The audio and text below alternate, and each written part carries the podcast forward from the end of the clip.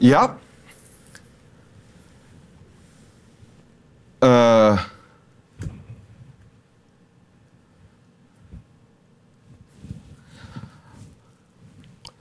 welkom in Winteruur, zeker?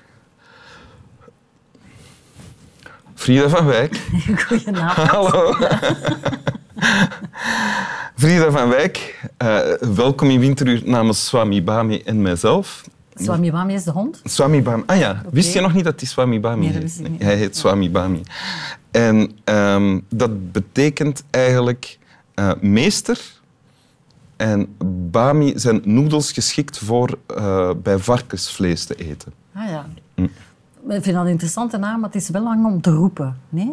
Swami Bami. Ja, en je moet hem helemaal eh, roepen. Je Ah, kan ja. niet Swami of Swami B of zo zeggen. Het is Swami Bami. Ja. Voilà. Maar origineel dat in ieder geval. Ja. Ja.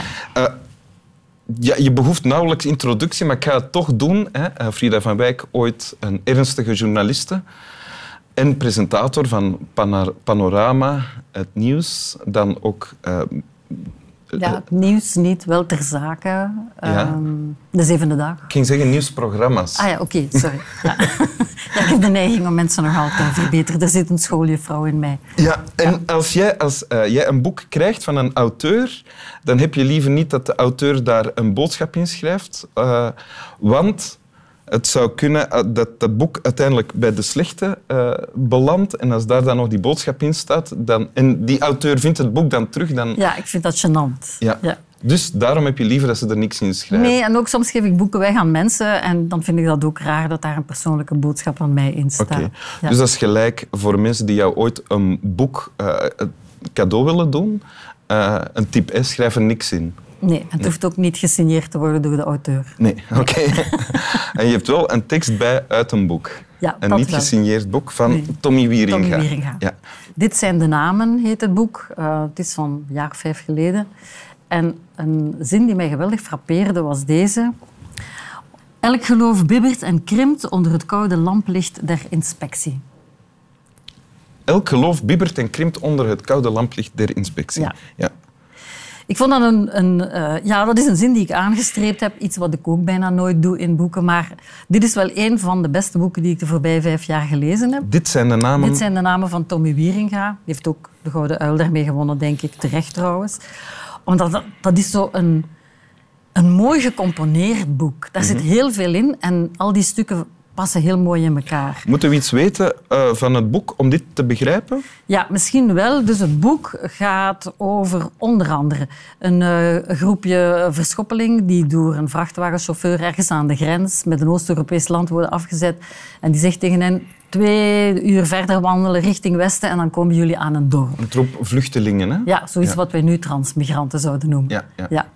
Maar dus, ja, die komen helemaal aan geen dorp terecht en die zien heel veel af. Die moeten door woestijnen en eh, veel ellende en miserie.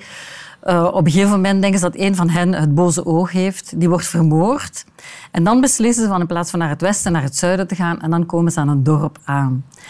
En dat is eigenlijk eh, het ontstaan van een godsdienst eh, voor Ja, want die, die vermoorde, eh, dat vermoorde figuur wordt dan nadien een soort hei- heilige. Heilige, ja, ze hakken die zijn hoofd af en dat dragen ze met zich mee. En sinds dat die vermoord is, vinden ze de weg naar het dorp. Dus Mhm. dat is eigenlijk degene die hen geleid heeft, zeggen ze dan. Ja. Of beslissen ze dan. En ja, die du- dus voor hen ook gestorven is om hen te verlossen. Dus je ziet de gelijkenissen met het christelijke geloofsverhaal Mhm. in eh, dit geval. Dat is maar één stuk van het verhaal, maar ehm, ik vond dat heel interessant, dat boek, omdat je ziet hoe dat godsdiensten ontstaan en hoe dat die berusten op verhalen eh, die mensen vertellen, waarnaar instellingen komen en regels en hiërarchie en rituelen. En wat weet ik, en zo ontstaan godsdiensten inderdaad omdat mensen behoefte hebben om in iets te geloven. Die groep ook, die moet in iets geloven, want anders is er geen hoop. Als je niet gelooft dat je ergens kan uitkomen, kan je ook niet hopen. Dan- Ja, en dat geloof houdt hen ook samen. Hè? Ja, dus dat, dat is het eigenaardige aan dat geloof. Dat geloof is iets ambivalents.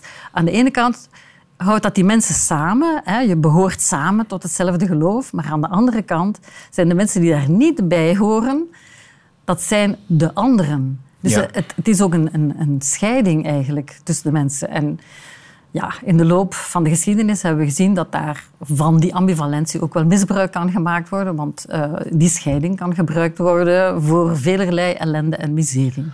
Terwijl uiteindelijk staat in dit boek elk geloof uiteindelijk bibbert en krimpt onder het koude lamplicht der inspectie. Ja, ik denk wat hij daarmee bedoelt is inderdaad dat als je uh, dat geloof begint te analyseren, dan merk je dat dat uiteindelijk gebaseerd is op alleen maar verhalen, weliswaar waardevolle verhalen. Dat vind ik ook wel. Uh, dat geloof is waardevol en die verhalen zijn interessant en mooi en die dienen ook ergens toe, maar het zijn uiteindelijk maar verhalen. En waarom vind je dat zo belangrijk dat je het aanduidt in het boek en een bladzijde en, en, en een ezelzoor? Ja, een ezelzoor maar. Het frappeerde mij gewoon, die vaststelling. Ik weet niet of dat voor de schrijver ook de meest cruciale zin in het boek is, maar ik vond dat zo een zin die samenvatte waar dat, heel dat stuk van dat boek over ging. Het frappeerde jou omdat je... Ben je zelf ooit een heel gelovig uh, vrouw of meisje geweest? En ben jij dan van je geloof gevallen onder de, het koude lamplicht der inspectie? zo wel een beetje. Ik bedoel, dat klinkt nu wel wat gezwollen, maar dat is natuurlijk wel zo. Wij zijn allemaal, toch zeker de mensen van mijn generatie, opgevoed uh, met de christelijke, zelfs rooms-katholieke waarden en normen en rituelen en hiërarchie. En waar jij ook in geloofde? Waar ik ook in geloofde. En ik denk dat ik zo tot mijn 15 jaar een soort commerciële verhouding had met het geloof. Uh, als ik 80% zou halen, dan zou ik in de vakantie drie keer per week naar de mis gaan s morgens. Dat soort dingen deed ik dan. je was al een chageraar eigenlijk. ja. Voor je, ja? eigenlijk. Maar het hielp wel. maar dan, ja, goed. De tijd dat ik uh, 16, 17 was, dat waren de jaren 60. Uh, dus ik heb dat niet alleen bedacht om van mijn geloof te vallen. De hele de hele context was er toen naar om mensen te doen nadenken over dat geloof en kritisch te staan tegenover dat geloof. Ja, en op een gegeven moment geef je dat dan ook op. Maar anderzijds erken ik wel uh, dat heel dat geloof, dat heeft ons inderdaad fantastische verhalen bezorgd. Dat heeft litera voor literatuur gezorgd. Dat heeft voor kunst in de kerken gezorgd. Dat heeft voor kathedralen gezorgd. Muziek. Voor muziek ook. Ja. Daar is dus heel wel wat, dat is wel waardevol. Er is wel wat uit voortgekomen. Maar dus die hele idee van een god en de bedienaars van zijn eredienst en uh, die rituelen die erbij horen, ja, dat uh, heb ik afgezworen. En is dat dan zeggen. iets dat je wil uitdragen, wat je nu zegt? Nee, ik wil helemaal niks uitdragen. Ik bedoel, Nee? allee, nee, ik denk dat er mensen zijn die inderdaad behoefte hebben aan het soort geloof en dat vind ik goed. Pff, ik geloof ook wel ik geloof niet in een, in een god of in een godsdienst, maar goed, ja, je, je moet ergens jezelf in een, in een geheel zien, denk ik, of in een context zien. Ja. En voor mij is dat zoiets als... Ik besta uit cellen en water, zoals de rest van de wereld bestaat uit cellen en water. Ik ben daaruit voortgekomen. Als ik doodga, dan word ik weer terug cellen en water of humus of aarde of wat weet ik. Maar dat is zo een, een afgesloten geheel. En dat, bedoel, binnen die context kan ik leven. Daar Uh, heb je vrede mee. daar heb ik vrede mee. Oké, en dat, hoe die aarde ontstaan is, oké, die Big Bang, ik versta dat niet. En wat er voor die Big Bang was, dat weet ik niet. Maar ik kan mee daarmee leven met die onwetendheid. Oké.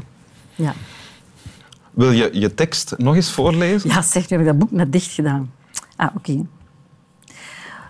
Elk geloof bibbert en krimpt onder het koude lamplicht der inspectie. Dank u wel. Alsjeblieft. Slap wel.